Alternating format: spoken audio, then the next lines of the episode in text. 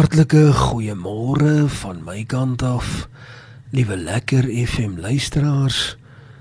Nou ja, jy's ingeskakel op 98.3 jou lekkerste FM.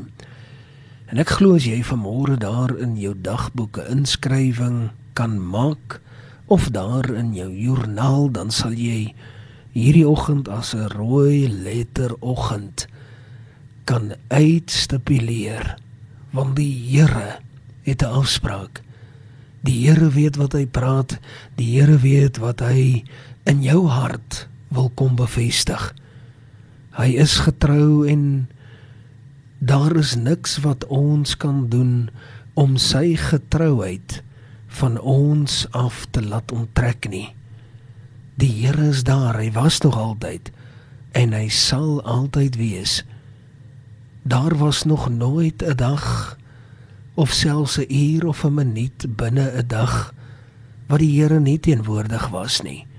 Dit is die belofte van die Heilige Gees dat hy altyd met ons sal wees om vir ons te bekragtig om ook jou ywer te verdubbel vir dit wat belangrik is vir die koninkryk van die Here.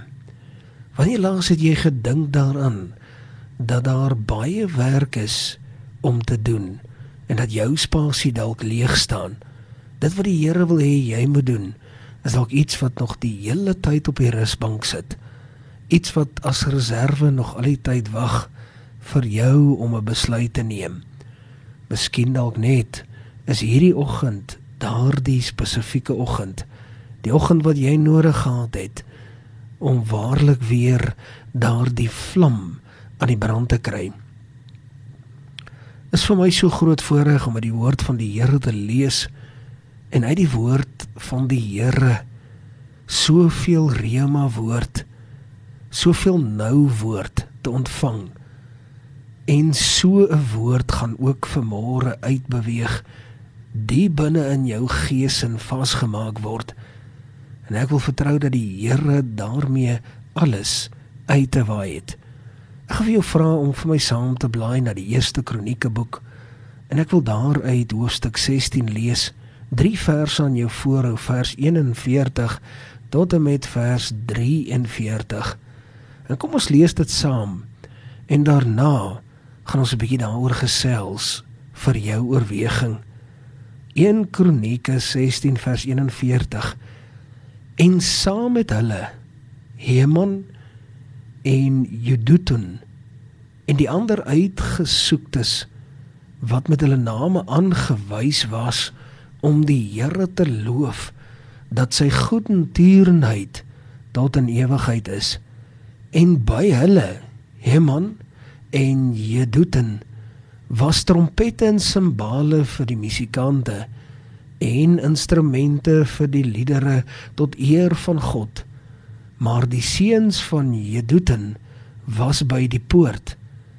En toe die hele volk elkeen na sy huis gegaan het het Dawid omgedraai om sy huisgesin te seën. Tot sover die woord van die Here. Kom ons sit net so. Dan sluit ons die oë dan bid ons saam. Hemelse Vader Dit is 'n groot voorreg om vanmôre 'n beroep op u hart te kom doen. Want ons weet u is Vader. Ons weet dat u ons Pa is, ons hemelse Pa. En u Here sal nooit ons sy verlaat nie. U is in ons, om ons en u is deur ons. En ons is bevoorreg om te weet dat u met ons is en selfs hier in die woord weer eens 'n goddelike bevestiging. Ek wil ek vra Here in baie nederigheid dat U sal kom en met 'n groot groot wil ek amper sê openbaring tot verborgenheid ons harte kom meedeel dit wat U wil praat. En dat geen mens wat agter 'n mikrofoon sit raak gesien sal word nie of enige eer ooit sal ontvang nie maar dat u alles sal ontvang dit is my gebed in Jesus naam. Amen. En amen. Ek het vanmôre 'n relatiewe onbekende skrifgedeelte aan jou voorgeles. Ek is seker daarvan as daar vanmôre en ek weet daar is duisende wat luister, maar as ek 'n 1000 mense moet vat, sal miskien hoogstens dalk so 10 wees of 15 mense wees uit die 1000 uit wat al hierdie spesifieke skrifgedeelte omdat hy nie so gewild is nie Jy weet jy kry baie immer gewilde skrifgedeeltes. Jy kry Psalm 23, jy kry Jeremia, jy kry 'n hele paar skrifgedeeltes wat uitsonderlik is daar uit Matteus uit, 'n uh, klompie aanhalinge wat fantasties is, wat iets is wat ons baie hoor en wat ons selfs baie self aanhaal. Maar dan kom daar 'n skrifgedeelte uit 'n ongewilde boek. Sekerlik een van die mees ongewildste boeke in die Bybel is die Kroniekeboek. En daaruit hier in vers 16 waar niemand dit sou verwag nie vers 41 tot 43 lees ons iets merkwaardigs aan die gebeur. Eintlik waar daar net so oorsig gegee word rondom die geskiedenis van wat aanvanklik gebeur het. Maar dan tref dit 'n mens hier die modus operandi van 'n man van God wil ek vir jou wat vandag ingeskakel is en wat luister na Lekker FM 98.3.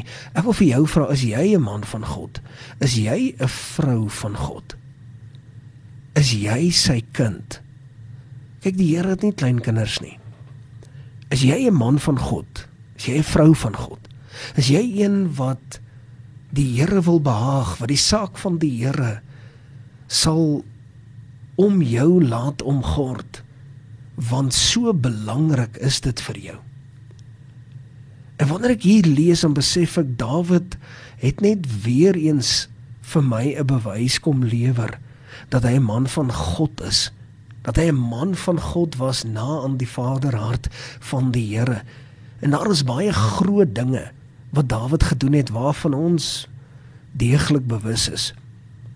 Maar hier gebeur iets wat jy as jy nie stop en sê Sela wag en bepeins nie, dan sê jy dit dalk mis.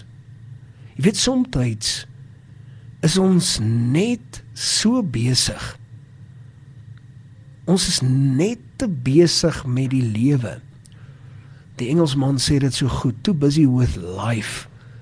Jy's so besig met dit wat om jou aan die gang is dit wat gedoen moet word wat nog nie gedoen is nie en daar is niks fout daarmee om besig te wees nie. Inteendeel, dis 'n seën. As jy 'n man of 'n vrou is wat vanmôre vir my sê, "Jog, jy is so besig, die spanning loop hoog." Dan wil ek sê prys die Here want ons baie wat sal droom om ook besig te wees wat nie in 'n posisie is waar hulle 'n inkomste kan verdien of 'n lewe kan maak nie. Daarom sal ons nie kla daaroor nie. Maar ons raak so besig dat ons iets vergeet en dan kom 'n Dawid van ouds en kom leer ons weer kom leer ons seer sekerlik een van die eerste beginsels jy weet wat baat dit jou Jy weet in hierdie lewe alles. Wat baat dit jou?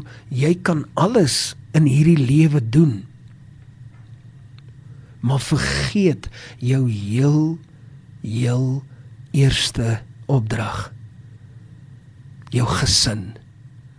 Jou gesin. En mag ek vanmôre baie ernstig met jou praat. Jy wat tans luister jou gesin kom heel eerste elke dag altyd.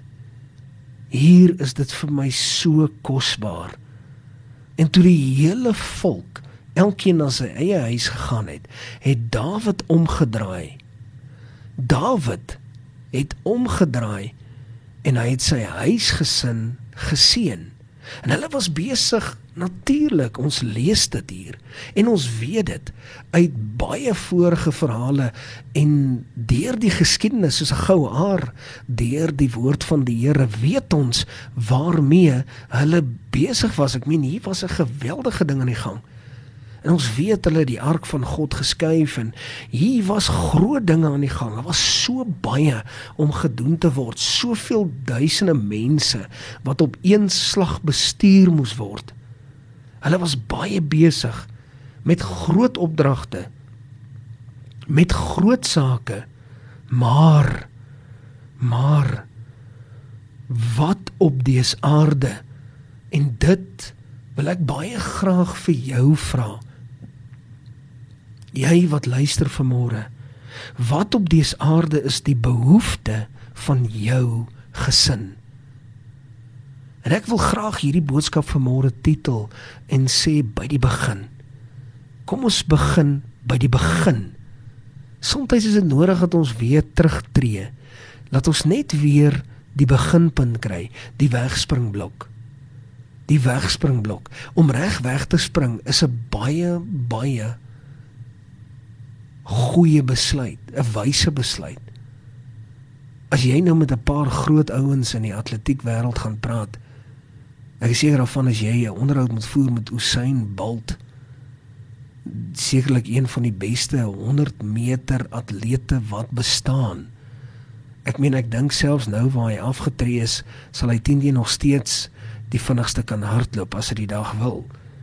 Gevra vir hom hoe belangrik is die wegspringplek by die begin. Wat op dese aarde is die behoefte van jou gesin? Want dit is die eerste saak waarna jy moet omsien wat die Here vir jou gegee het om na om te sien ongeag hoe besig jy is ongeag hoe hardloop jy rond dat jy nie weet of jy kom en of jy gaan nie. Gaan bestudeer mooi is my raad vir môre aan jou. Gaan bestudeer mooi. Wat het jou gesin werklik nodig? Want hoekom op dese aarde moes hierdie skrifgedeelte so neergepen geword het, so neergeskryf geword het? Hoekom moet dit so staan dat Dawid het omgedraai en sy gesin, sy huisgesin gaan seën? Enige soort guns begin eerstens vanuit jou eie geleedere uit jou eie gesin ken hulle in jou sake en kry hulle seën op 'n saak. Hier het een van die grootste manne in die woord van die Here, Dawid, dit gedoen. Hy het omgedraai en hy het sy gesin geseën man by jou ingaan, by jou uitkom, waar jy stop, waar jy links, regs draai, vorentoe, agtertoe, maak nie saak wat jy doen nie, kry die guns van jou gesin en seën jou gesin. Voorsien in hulle behoeftes en lê jou hande op hulle. En daar is een saak waarop ek baie baie trots is. Dis iets wat wat ek dra as as 'n saak wat ek op my skouer vaswerk. Ek omgord myself daarmee dat ek my ek persoonlik seën my gesin. My seun is nou 10 jaar oud en ek het elke liewe iedere aand van sy lewe voordat hy gaan slaap, spreek ek 'n seën oor hom uit. Lê ek my hande op hom en seën ek hom in die naam van die Vader, die Seun en die Heilige Gees. Ek seën hom met seëninge uit die hand van die Here uit. Wat is hulle behoefte? Wat is jou gesin se behoefte? Bid vir jou gesin. Hier sien ons Dawid draai om en hy seën sy gesin. Hy vergeet nie. Hy is hoe besig, hy is hoe groot naam, hoe groot man, maar hy seën sy huisgesin. En as hy dit kan doen, dan sal ek dit ook doen. Bid vir hulle. En moenie in die privaatheid van hulle bid dat hulle dit nooit weet nie. Ja, doen dit ook. Maar gaan doen dit. Lê jou hande op hulle. En dan vra jy dat die Here hulle sal seën. In Jesus naam. Tot sover. Ons sit net so. Dan sluit ons die oë dan bid ons saam. Hemelse Vader, dankie dat U ons seën. Dankie dat hierdie woord ons harte kom stig en ons harte kom omswaai. Help ons daarmee in Jesus naam. Amen. En amen.